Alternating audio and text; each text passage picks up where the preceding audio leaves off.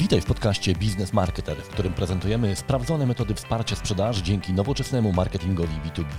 W tym odcinku rozpoczynamy serię B2B Marketing Online. Odcinek pierwszy Od czego zacząć? Zapraszam serdecznie, Łukasz Kosumiak. Rozpoczynamy drugi sezon podcastu Biznes Marketer. Poprzedni sezon, jak pamiętacie, głównie zdominowała książka ABC Marketingu B2B, której odcinki czytałem. Ostatnie odcinki, już te y, poszerzone, pogłębione, zwiastowały to, co się będzie działo właśnie w tym drugim sezonie. A drugi sezon w dużym stopniu składał się będzie z takich serii odcinków. I pierwsza seria, którą chcę Wam zaproponować, to jest digitalizacja marketingu B2B. Nie ukrywam, że to jest temat, z którym pojawiało się u mnie wielu klientów B2B, oczywiście zmuszonych tym, co się działo na rynku na skutek pandemii zadawali sobie pytanie, jak my możemy wykorzystać narzędzia online. My wytworzyliśmy pewną metodę, którą ja Wam y, pokażę w tych odcinkach, jak do tego podejść, jak to zaplanować, jak to zrealizować, jak mierzyć efekty, jakimi narzędziami warto się posłużyć i mam nadzieję, że będzie to dla Was jakaś mapa drogowa, jakaś inspiracja do takiej mądrej digitalizacji. Mówię mądrej digitalizacji, bo bardzo często ta digitalizacja jest tak płytko rozumiana jako na przykład wdrożenie jakiegoś narzędzia. To oczywiście nie jest digitalizacja, jeżeli za tym narzędziem nie pójdą procesy, nie pójdzie zmiana po stronie przekazu, treści, jakie serwujemy naszym klientom, to nic nie da. Więc trzeba do tego podejść całościowo. To nie musi być bardzo skomplikowany proces, więc ta, te audycje są też dla małych firm, ale warto jest pamiętać, jakie są te niezbędne elementy digitalizacji. Y, na początek, pierwszy odcinek, od czego zacząć. Tu powiemy sobie o tym, jak w ogóle przygotować się do takiego procesu i jak o nim myśleć. Zatem zapraszam Was do pierwszego odcinka naszej nowej serii B2B Marketing Online – od czego zacząć digitalizację marketingu B2B? Moim zdaniem y, bardzo ważnym element y, to jest dobre zrozumienie tego, czym tak naprawdę jest ta digitalizacja, co my tak naprawdę digitalizujemy y, i dobre określenie korzyści, jakie mogą z tego wynikać. I oczywiście można się w tej naszej konkretnej sytuacji czasowej jeszcze ciągle pandemia kłócić, że w zasadzie nie ma innego wyjścia, ale też jeżeli nie będziemy mieli świadomości y, wszystkich korzyści, to możemy potraktować tą digitalizację w sposób zbyt płaski, zbyt prosty, bo na przykład nie będziemy w stanie określić, co my z tego będziemy mieć, w związku z tym nie będziemy skłonni odpowiednio inwestować. Więc ja skupię się na tym, żeby dziś y, te korzyści omówić, bo jest ich dużo więcej niż te, które na pierwszy rzut oka się nam pojawiają, ale też y, powiemy sobie o tym, co, jakie elementy naszego, naszych działań marketingowych i sprzedażowych warto jest digitalizować. Więc może zacznijmy sobie od tego, co my tak naprawdę chcemy zdigitalizować i dlaczego warto to zrobić. Większość klientów, z którymi rozmawiam, y, prosi mi jakieś tam wsparcie w tym obszarze digitalizacji, dlatego że zauważają, że po prostu nie mają innego wyjścia, ponieważ kanały tradycyjne sprzedaży i marketingu nie działają. Jakie to były kanały? Konferencje, spotkania, targi, y, wizyty klienta w naszych fabrykach, zakładach, biurach, y, sklepach, showroomach itd. Tak i na odwrót wizyty handlowców w siedzibach klientów. Te działania są w zasadzie teraz niemożliwe i ponieważ nagrywamy w styczniu 2021, y, spodziewamy się, że w ciągu kilku miesięcy one się w jakiś tam sposób odblokują. No, mamy taką nadzieję, ale już w tej chwili wielu handlowców, wielu szefów sprzedaży też mówi mi o tym, że wcale nie jest to takie pewne, ponieważ oni widzą, że część z tych działań po prostu nie było efektywnych. I tutaj myślę, że targi będą takim miejscem, gdzie wiele firm zweryfikuje swoją strategię. Ale poczekajmy, nie chcę być tutaj prorokiem. Mam jednak wrażenie, że wiele firm zorientowało się, że bez targów też można żyć, a trochę inaczej e, te budżety wydawać. Więc w zasadzie jesteśmy zmuszeni do digitalizacji. Chcemy być tam, gdzie są klienci, bo klienci zmienili preferencje i rzeczywiście potwierdzają to badania. Y, nie tak dawno y, Gartner mm, publikował swoje badania, y, firma DemandGen podobnie potwierdza, że klienci spędzają coraz więcej czasu czytając treści, coraz więcej punktów styku, czyli w większej ilości miejsc. Klienci szukają informacji, wydłużył się proces decyzyjny, zwiększyła się ilość osób w procesie decyzyjnym. Oczywiście ciągle mówimy o firmach, o B2B, o klientach biznesowych, więc w zasadzie nie mamy innego wyjścia. Po to to robimy. Zmieniają się klienci, zmieniają się, muszą się zmieniać też nasze działania. Drugi element, który pojawia się czasami, to są oszczędności, bo wiele firm zorientowało się, że te drogie bardzo działania marketingowe, właśnie wydatki na konferencje, targi, wyjazdy, demonstracje itd., tak one mogą być w jakiś sposób zmniejszone. W zasadzie teraz się siłą rzeczy zmniejszyły, więc nie musimy tego wydawać, możemy te, te oszczędności przynieść w firmie. Tu trzeba uważać, bo y, tak naprawdę nie wiemy do końca, jak zastąpić te, y, te działania tradycyjne. I oczywiście w tej chwili wydajemy mniej, bo nie mamy innej możliwości. No pytanie, co będzie później, jeżeli te możliwości będą, czy nie pojawi jakaś, się jakaś forma hybrydowa, więc z oszczędnościami bym uważał, natomiast rzeczywiście bardzo często y, widzę takie sytuacje, kiedy firma na przykład na targach pozyskiwała 10-15, może nie klientów, tylko 10-15 lidów. Wydawała na to czasem dziesiątki tysięcy złotych. I potem w pandemii przeprowadziliśmy 7-8 webinarów, które kosztowały nas łącznie kilkanaście tysięcy i tych lidów było znacznie więcej. Więc rzeczywiście te oszczędności mogą się pojawić, ale trzeba o wiele rzeczy zadbać. Zresztą będziemy mówili też w tej serii o tym, y, jak tak naprawdę prowadzić i mm, też finansować te działania. Y, trzeci element, który y, no, też wpływa na konieczność zmiany działań marketingowych i zdigitalizowania, to jest zmiana naszych warunków pracy. My jako firmy, dostawcy inaczej pracujemy, często o wiele bardziej zdalnie, y, co jest dużym wyzwaniem, ale też jest dużym y, czasem możliwością zatrudniania chociażby osoby, osób, które no nie muszą się przeprowadzać do naszego miasta, mogą pracować zdalnie, ponieważ wszyscy pracują zdalnie. W związku z tym mamy też możliwość y, pozyskiwania takich osób, ale też musimy zapewnić im warunki skutecznej pracy, szczególnie handlowcom, którzy y, muszą się komunikować z klientami. My musimy zdigitalizować nie tylko procesy marketingowe, ale i w dużym stopniu sprzedażowe.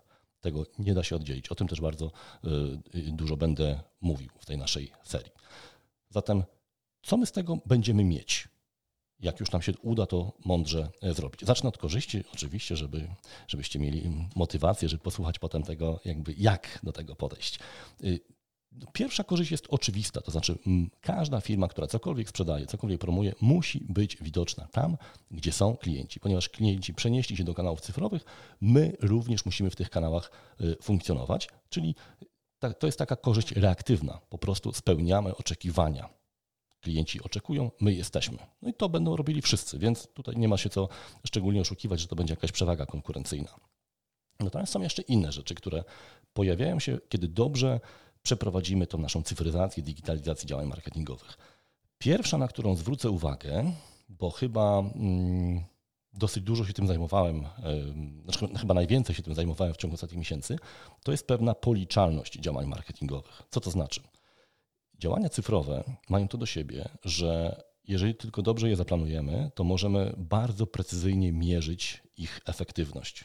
Dokładnie wiemy, kto był na webinarze, kto się zarejestrował, przyszedł, zarejestrował, nie przyszedł, kto był na webinarze, potem umówił się na spotkanie z handlowcem, kiedy ta cała interakcja się zaczęła. My możemy naprawdę już teraz stosunkowo niedrogimi narzędziami to wszystko w taki sposób obsłużyć, że dokładnie wiemy, skąd pochodzą nasze lidy, jaki jest wpływ poszczególnych działań na te lidy. Więc marketerzy, którzy y, pracują w tym środowisku cyfrowym, jeżeli tylko chcą, mają możliwość bardzo precyzyjnego udowodnienia ich wpływu na sprzedaż, co jest bardzo pożądanym stanem, ponieważ wielu, wielu tak zwanych tradycyjnych marketerów nie miało możliwości albo chęci udowadniania swojego wpływu na sprzedaż, co powodowało, że z jednej strony mieli taką komfortową sytuację, nikt ich za bardzo nie, nie odpytywał z tego, natomiast z drugiej strony byli cały czas marginalizowani, ponieważ byli traktowani jak koszt, czyli nikt nie traktował poważnie tych działań, nikt też nie inwestował więcej w te działania z roku na rok, ponieważ nie było pewności, czy to się opłaca, czy zwiększenie budżetu marketingowego przyniesie nam jakieś wymierne korzyści.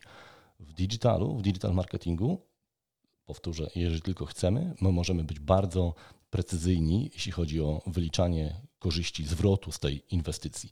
Co ważne, ta policzalność jest możliwa, ponieważ my analizujemy, śledzimy wiele rzeczy, to znaczy możemy też się uczyć, możemy też poprawiać, optymalizować nasze działania.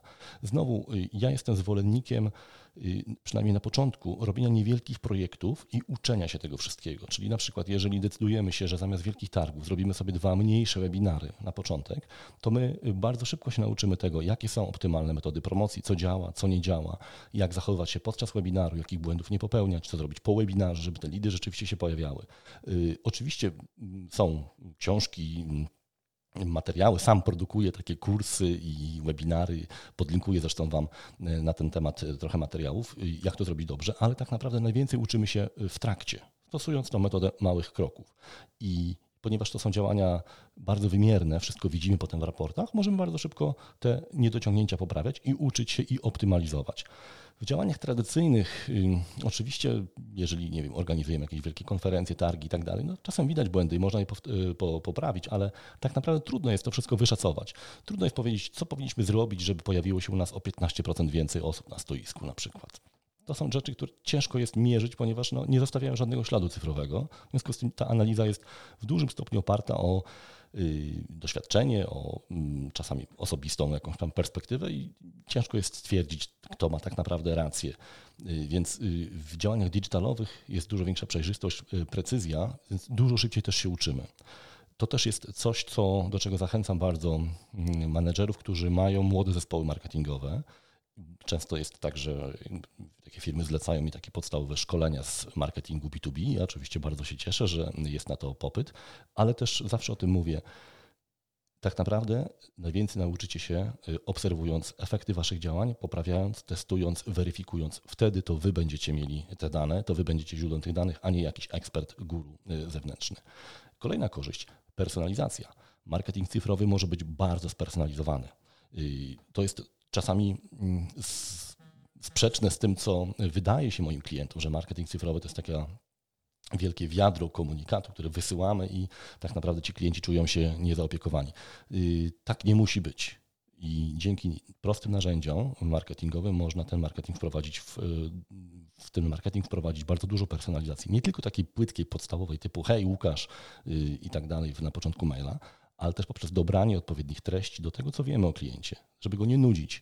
Ja tu bardzo lubię przykład y, firmy Deloitte i szefa marketingu cyfrowego Igora Bilobratka, który mm, y, opowiada o tym, że oni mają kilkadziesiąt newsletterów dla swoich klientów, właśnie po to, żeby ci klienci mieli bardzo precyzyjną informację, żeby oni nie czytali rzeczy zbędnych i dzięki temu cały czas byli zaangażowani, chcieli czytać kolejne newslettery i oczywiście też konwertować odpowiednio na, na, na sprzedaż.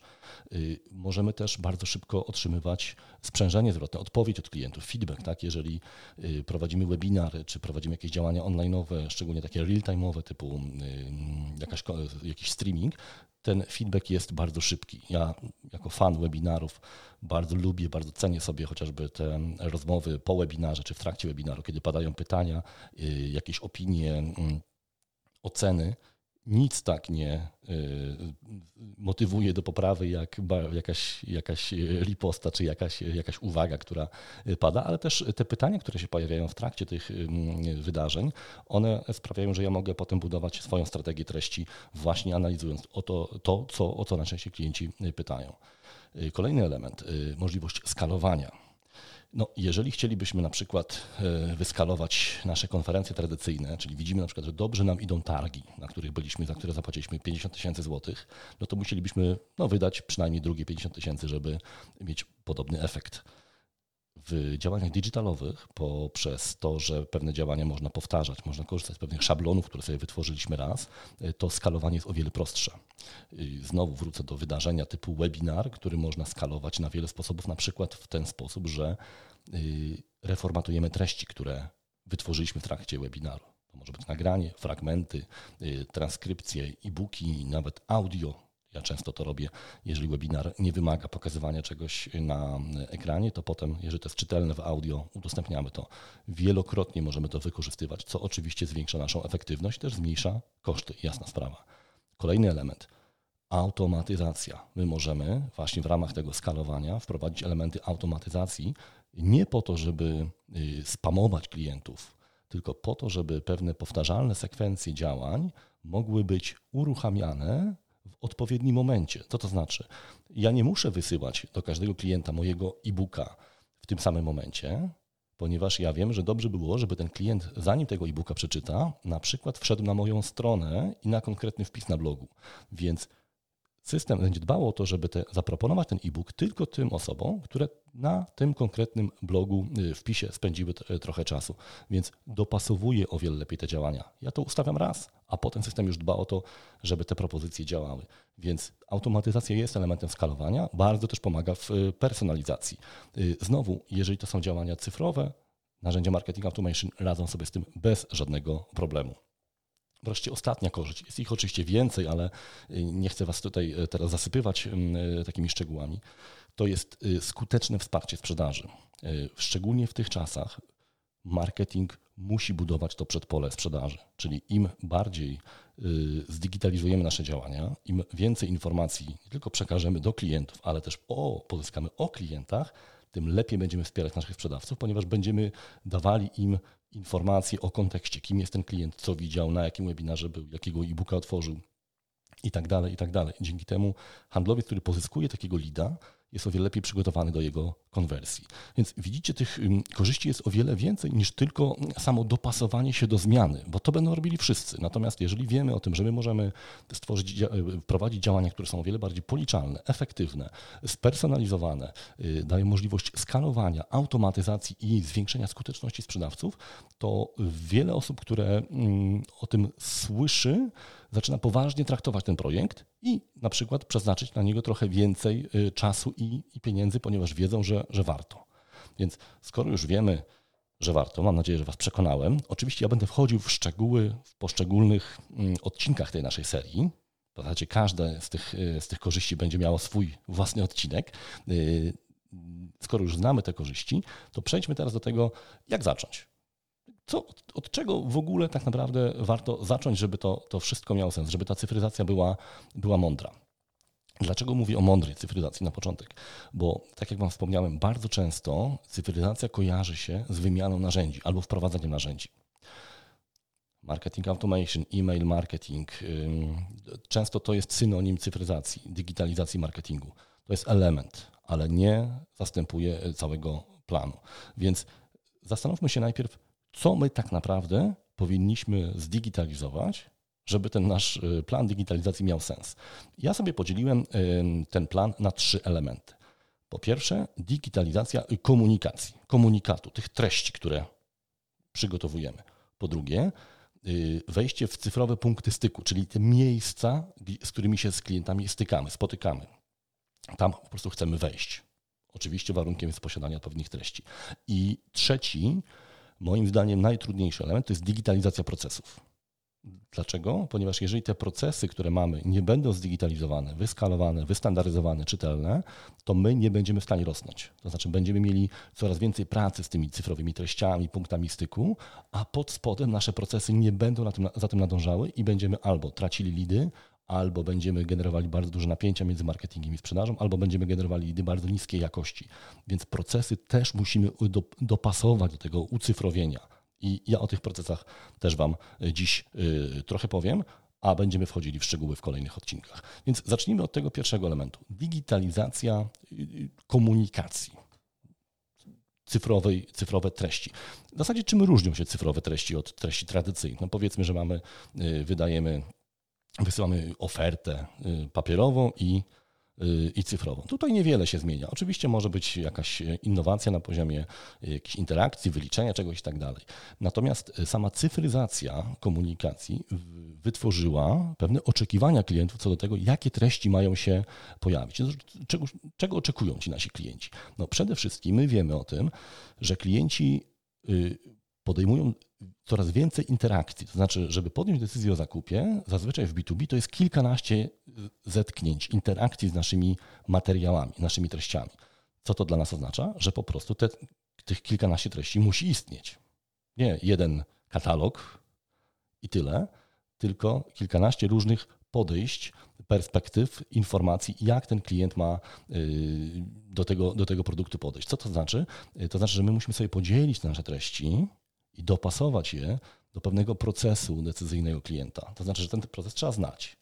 Czyli y, zmiana przekazu cyfrowego nie oznacza zmiany y, druku na czcionkę elektroniczną na monitorze, tylko inne inny podział tego, w jaki sposób te treści do klienta docierają. To znaczy w mniejszych kawałkach, lepiej dopasowane do tego, jak on podejmuje decyzje. Jest taki model, którymi można się, można się posłużyć przynajmniej na początku, AIDA. Tak? Y, to są cztery, to jest skrót. Awareness, Interest, Desire i Action. To są takie zestandaryzowane etapy procesu marketingowo-sprzedażowego i przynajmniej w tym podziale powinniśmy się y, poruszać, żeby dopasowywać nasze treści, czyli inne treści na budowanie świadomości, zainteresowanie, chęć posiadania i wreszcie y, decyzje. To jest taka, to jest taka podstawówka absolutna, ale musimy to brać pod uwagę, że te nasze treści nie mogą być płaskie, nie mogą być o tym samym. Muszą uwzględniać proces decyzyjny klienta, dlatego że klient oczekuje takich treści. To nie jest tak, że klient wejdzie na naszą stronę i przez 4 godziny będzie ją przeglądał, pozyskując wszystkie informacje. Nie. My musimy go zainteresować i zaproponować kolejny krok. Czy on go wykona, czy nie, to jest już inna sprawa, ale mamy możliwości potem, żeby go jeszcze potem śledzić i proponować mu te kolejne działania. I właśnie te kolejne działania są skuteczne wtedy, kiedy my dobrze wybierzemy tak zwane punkty styku, czyli te miejsca, gdzie klient może nasze informacje pozyskać. No, tradycyjnie oczywiście takim punktem styku w digitalu jest strona y, firmowa, ale pamiętajcie proszę, że ta strona też y, wymaga wsparcia. Trzeba ją promować. Optymalizacja pod kątem SEO, kampanie płatne, działania social, sellingowe i social marketingowe są tutaj niezbędne. I teraz znowu bardzo ważna rzecz. Wiele firm traktuje social selling albo social media marketing jako jakąś samodzielną dyscyplinę marketingową. Brońcie się przed tym, tak nie jest. Social selling i social media marketing to jest tylko element działań marketingowych. Nie wolno się od tego uzależnić. A jak się można od tego uzależnić? Na przykład przenosząc część treści do social, do, do, do LinkedIna, na, na Facebooka. Tylko pamiętajcie, że to są platformy, które yy, bardzo chętnie te treści przyjmą, ale nic wam nie dadzą ponieważ tam się będzie kończyła ścieżka klienta i to dane, te wszystkie dane o klientach będą w sieciach społecznościowych, a nie u nas. Traktujcie proszę e, media społecznościowe jako media, jako y, mechanizm promocji waszych treści, ewentualnie pozyskiwania kontaktów y, dla, dla handlowców. Więc mądre wybranie y, punktów styku. Znowu, jak to zrobić? No przede wszystkim obserwując, gdzie ci nasi klienci są jak, z jakich mediów korzystają. Zawsze pamiętajcie o tym, że preferencja klienta będzie tutaj kluczowa. Nie to, gdzie my chcemy być, nie to, co nam się podoba. Y, ja wiem, że mówię rzeczy oczywiste, ale bardzo często potem w praktyce no, tak to wygląda, że na przykład ktoś bardzo się uparł na Instagrama, bo mu się to podoba, a tak naprawdę klienci na Instagramie nie szukają tych informacji, więc zawsze warto jest sprawdzać, y, gdzie ci nasi klienci są, nawet pytając ich o to. Punkty styku bardzo ważny element, będziemy, będziemy je omawiali, bo to jest część całego planu.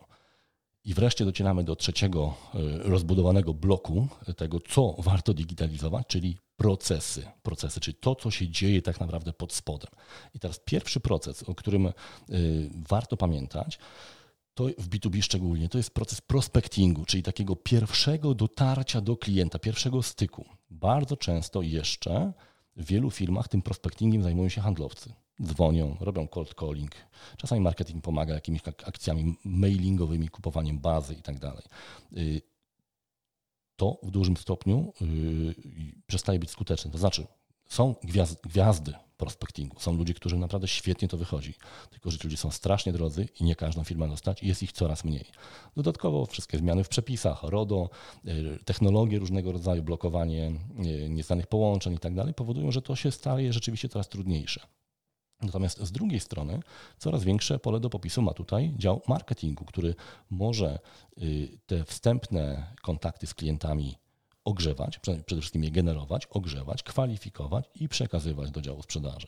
I jeżeli myślicie, że to jest jakaś pieśń przyszłości, to jest już naprawdę wiele firm B2B, gdzie handlowcy wręcz mają zakaz prowadzenia prospectingu, ponieważ w pierwszej kolejności muszą obrabiać, mówiąc brzydko, lidy, które generuje marketing. I oczywiście tu trzeba zadbać o jakość tych lidów, ale y, marketing ma możliwość o wiele mm, skuteczniejszego działania prospectingowego. Oczywiście są wyjątki od tej reguły, ale są bardzo nieliczne. To znaczy, jeżeli y, macie tylko możliwość, to warto jest tak zaplanować początek tego lejka, żeby odpowiedzialność za prospecting była po stronie marketingu, ale realna odpowiedzialność i też zasoby, które są potrzebne, żeby tą, real, tą odpowiedzialność zrealizować.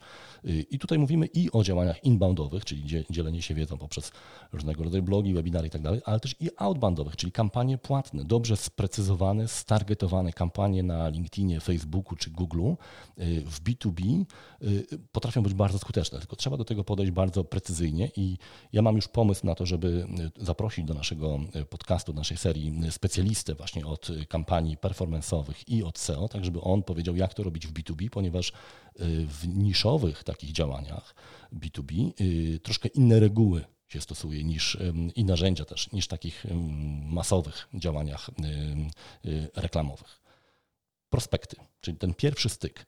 Ten, te działania powinny być y, zdigitalizowane właśnie poprzez działania inbound marketingowe, SEO, outbound, ale też i odpowiednie procesy potem przekazywania informacji o tych, którzy zetknęli się z naszymi treściami i rozpoczęcie tego procesu ogrzewania leadów. I tu już przechodzimy do, do, do informacji o leadach. Lead to jest informacja kontaktowa z jakimś prawdopodobieństwem, że ta osoba może być zainteresowana naszymi produktami. Czyli nie każdy kontakt, nie każda osoba, która pobierze naszego e-booka jest leadem. Musimy mieć jeszcze jakieś przekonanie, że ta osoba może być naszym przyszłym klientem, na przykład spełnia jakieś warunki leada. I tu znowu w ramach tego procesu digitalizacji bardzo ważny element, chociaż on jest offline'owy, to jest ustalenie kryteriów leada, czyli jakie kryteria powinien spełniać lead, żeby on był zakwalifikowany przez marketing do przekazania do sprzedaży. I oczywiście potem te kryteria można wbudować w system, na przykład marketing automation, który z automatu będzie lidy, które spełniają pewne oczekiwania, pewne wymagania, przekazywał do sprzedaży. Ale to ustalenie to jest działanie offline'owe, czyli wygenerowanie tego lida, ale potem też i ogrzewanie i kwalifikowanie znowu w dużym stopniu może być domeną e, działu marketingu. Co to znaczy ogrzewanie lida?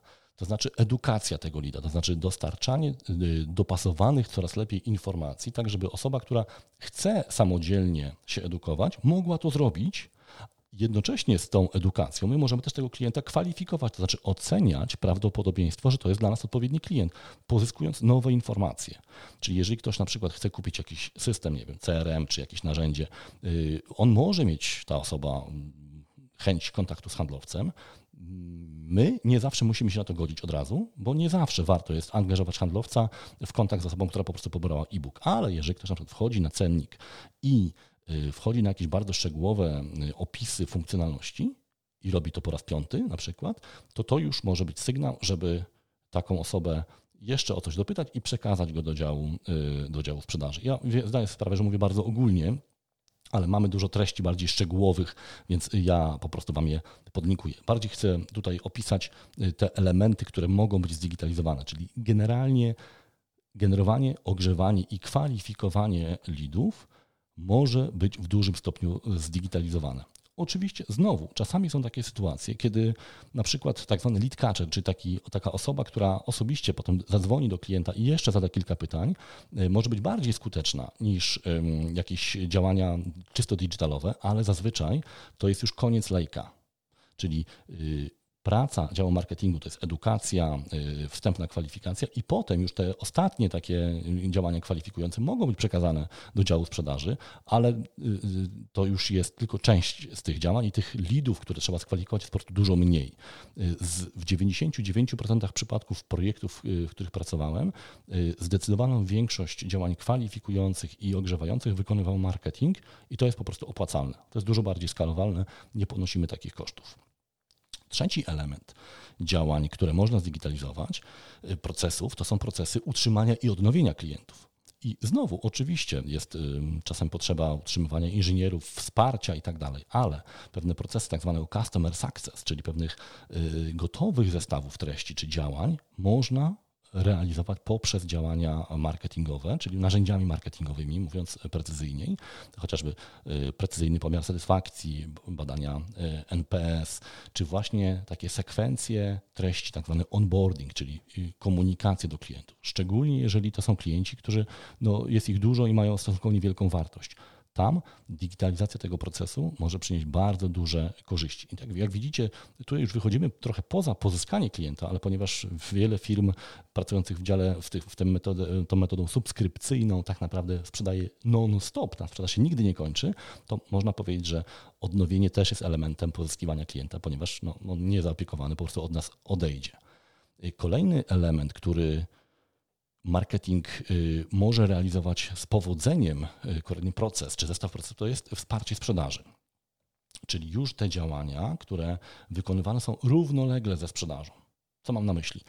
Marketing zajmuje się generowaniem, ogrzewaniem i kwalifikacją lidów.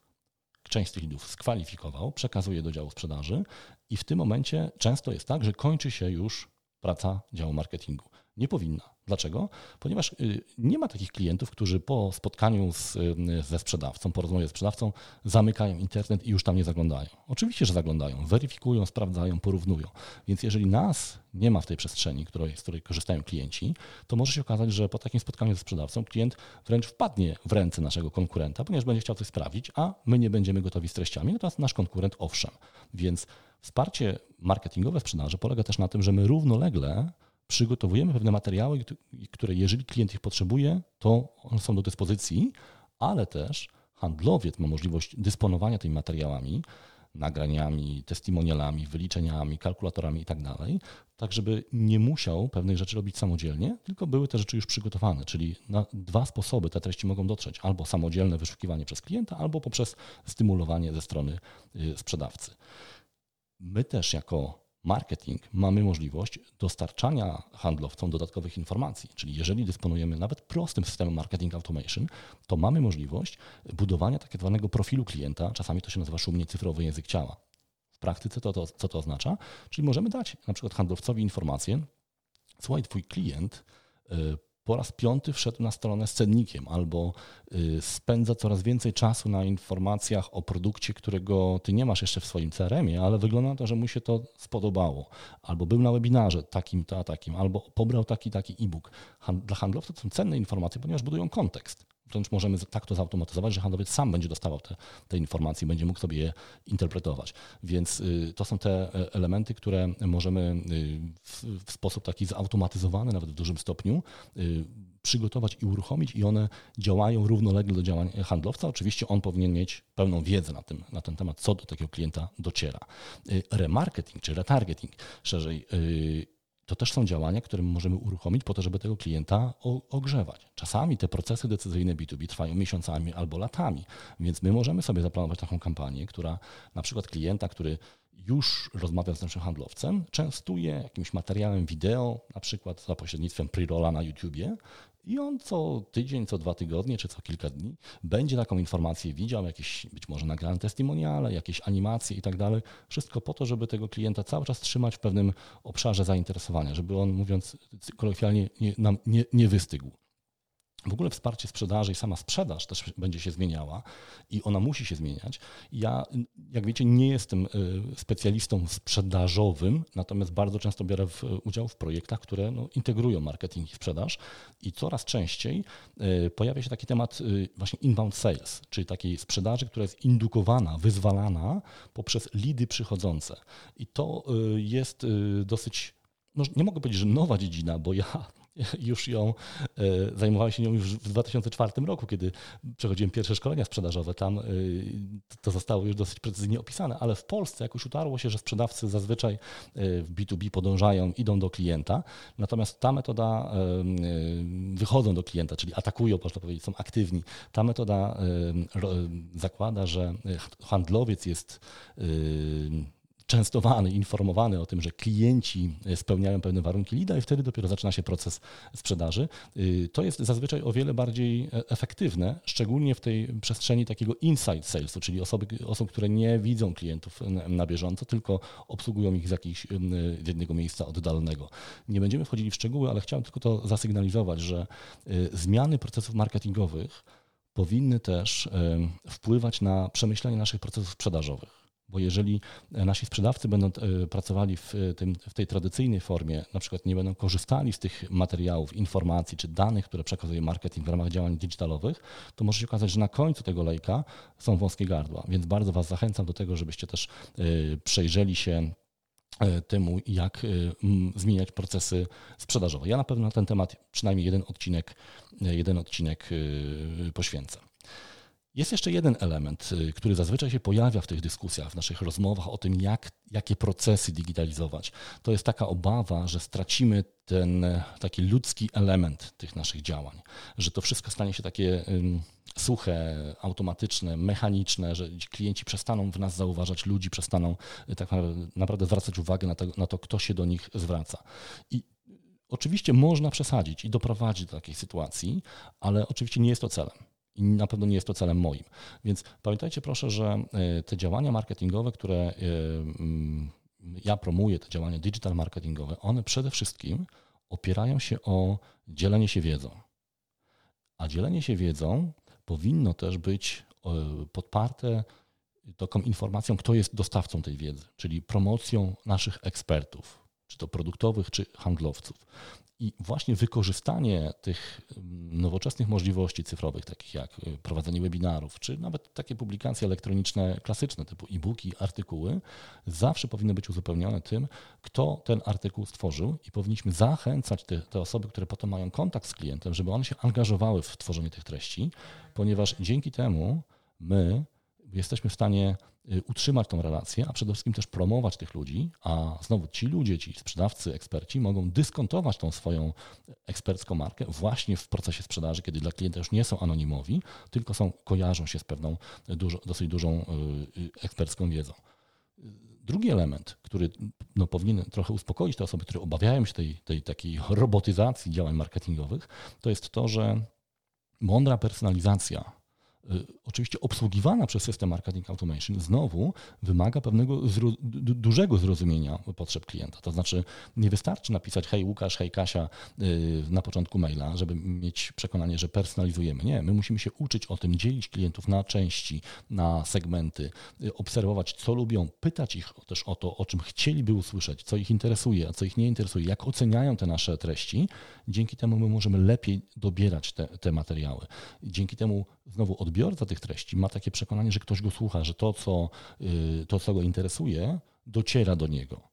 No, wspomniałem Wam przykład bardzo dużej firmy, e, Deloitte, który bardzo na tą personalizację postawi, tworząc 40 newsletterów. Być może na początku nas nie będzie na to stać, ale pamiętajcie o tym, że warto to robić, warto iść w tą stronę e, i dopasowywać treści do potrzeb klientów, a nie serwować je wszystkie masowo, bo narzędzia marketing automation potrafią zrobić e, bardzo dobrą personalizację, ale jeżeli je do tego zmusimy, po prostu będą narzędziami masowej, masowej wysyłki. I wreszcie ostatni element to jest właśnie ta analityka im lepiej rozumiemy te dane, które klienci zostawiają, ale nie tylko w takiej formie bardzo suchej jakichś raportów czy analiz, ale też chociażby pytań, y, komentarzy, uwag, y, które zbieramy, tym jesteśmy bliżej nich, możemy lepiej reagować, nawet powoływać się na, na, na te pytania. Y, dzięki temu klienci widzą, że ich słuchamy. Y, tutaj y, bardzo często opowiadam o tej książce They Ask You Answer, którą też Wam podlinkuję oczywiście w opisie, ale to jest właśnie jedna z tych metod tworzenia takiej podstawowej strategii treści. Zbieramy pytania klientów i odpowiadamy na nie. Oczywiście przy pomocy różnych narzędzi analitycznych i tak dalej, potem e, sprawdzamy, czy to działa, ale jeżeli my potrafimy zbierać te informacje z różnych źródeł, to potrafimy też budować takie przekonanie po stronie klienta, że my ich słuchamy, że my ich rozumiemy i że tam są prawdziwi ludzie. Natomiast to, co z praktyki zauważyłem, najbardziej e, przekonuje klientów, że my jesteśmy nie jesteśmy tutaj robotami i że nie traktujemy tych wszystkich klientów jednakowo, to jest właśnie pokazywanie ekspertów, to jest właśnie pokazywanie ludzi, którzy tworzą treści, y, organizowanie wykorzystywanie wideo, organizowanie webinarów, to są te formaty, które są takie bardzo ludzkie i mimo tego, że mogą być doskonale zdigitalizowane w sensie procesowym, w swojej treści są bardzo ludzkie. Widzimy osobę, widzimy jej twarz, słyszymy jej głos i, y, i dzięki temu no, ci klienci potem rozpoznają tych naszych przedstawicieli, wręcz niektórzy żądają, żeby byli obsługiwani właśnie przez y, tą osobę. Ja też miałem takie sytuacje, kiedy ktoś wręcz żądał, żebym to ja jakieś tam szkolenie prowadził, bo, no bo po prostu się przyzwyczaiłem przyzwyczaili do, do, do tego, że ja prowadzę te różnego rodzaju webinary. Więc moi drodzy, jak widzicie, digitalizacja, tutaj chcę to od początku powiedzieć, to nie, jej celem nie jest pozbawienie firmy czy komunikacji takiego elementu ludzkiego. Y, ja o tym tak mówię, być może Wam się to wydaje oczywiste, ale y, jest taka pokusa. Czasami firmy mają taką pokusę. Dobra, to teraz przestańmy dzwonić, y, po prostu wyślijmy masowo te nasze mailingi i zobaczymy, co się stanie. No, nic dobrego się nie stanie warto jest, zanim wyślemy coś, sprawdzić, czy to działa, czy to jest dobrane do potrzeb, popytać trochę tych klientów. Y, zresztą będę też miał taki odcinek o tym, jak analizować, skąd w ogóle dobierać pomysły na, na, na treści, po to właśnie, żebyśmy byli w przekazie bardzo ludzcy, bardzo pomocni i bardzo tacy użyteczni, a jednocześnie w procesach, żeby to wszystko było policzalne, skalowalne, e, być może zautomatyzowane, jeżeli jest taka potrzeba i przede wszystkim, żeby można było sprawdzić, czy to działa. Więc podsumujmy sobie ten nasz odcinek. W zasadzie chciałem Wam powiedzieć o dwóch rzeczach w tym odcinku. Po pierwsze, że warto jest spojrzeć na digitalizację e, naszych działań marketingowych w taki uporządkowany sposób. Po pierwsze, wypisać sobie te korzyści, ponieważ to pozwala się trochę bardziej zaangażować w ten proces. Ja to widzę. Jeżeli mamy świadomość korzyści, nie tylko właśnie dopasowania się do, do zmian, ale też zwiększenia efektywności, policzalności, personalizacji, skalowania tych działań, to większość osób podchodzi po prostu do tego procesu dużo e, poważniej.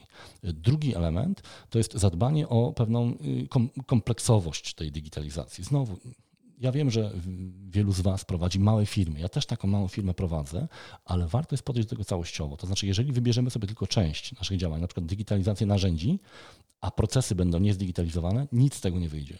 Więc te trzy elementy komunikacja przekazu, komunikacja, y, digitalizacja punktów styku, czyli przejście do kanałów cyfrowych i digitalizacja procesów, które też oczywiście obejmuje digitalizację narzędzi, które te procesy mają wspierać. Y, procesów prospectingowych, generowania lidów, y, utrzymania i odnowienia, wsparcie sprzedaży, zresztą wreszcie samej sprzedaży. To są te elementy, które warto wziąć pod uwagę, budując sobie taką, taki, taką strategię digitalizacji, taki plan ogólny. Potem przejdziemy sobie już przez y, szczególne, poszczególne działania, czyli w kolejnych odcinkach y, powiemy sobie o tym, jak zbudować taki plan digitalizacji po kolei. Co, od czego zacząć, jakie informacje zebrać, y, z kim rozmawiać, kogo zaangażować. Powiemy sobie też o wyzwaniach i problemach związanych z digitalizacją, no bo oczywiście jak w każdym takim projekcie te problemy się na pewno pojawią i warto być na nie przygotowanych. Powiemy sobie potem o tej digitalizacji na przecięciu marketingu i sprzedaży Czyli jak te lejki marketingowo-sprzedażowe tworzyć, projektować, żeby one rzeczywiście były skuteczne, żeby te lidy nam nie wyciekały. Z drugiej strony, żeby marketing był realnym wsparciem dostawcą lidów dla sprzedaży, a sprzedaż też e, realnym dostawcą informacji zwrotnej, chociażby dla marketingu, co może nam pomóc usprawniać procesy marketingowe. E, powiemy sobie o roli treści, o doborze narzędzi, o automatyzacji i o rozliczaniu e, skuteczności mam taki plan, żeby w tych kolejnych odcinkach pojawiły się też osoby z poza e, firmy Grow, tak żebyście mieli też trochę szerszą perspektywę. E, powiemy sobie na pewno o performance marketingu w B2B, o pozycjonowaniu i jeszcze kilka niespodzianek mam w głowie, ale pozwólcie, że będę je przedstawiał na, na bieżąco. Na dziś bardzo dziękuję. Koniecznie zajrzyjcie proszę do opisu tego odcinka, bo tam są linki do dodatkowych materiałów, które poszerzają, e, poszerzają e, te informacje, które dziś przekazałem e, i liczę na to, że będziecie uczestniczyć w kolejnych odcinkach tej naszej serii. Wielkie dzięki. I to wszystko w dzisiejszym odcinku. Jeżeli ten pomysł na e, serię B2B Online Marketing spodobał Ci się, zajrzyj koniecznie do opisu odcinka i zostaw nam opinię, ocenę w swojej ulubionej aplikacji podcastowej. Do usłyszenia, Łukasz Kocymiak.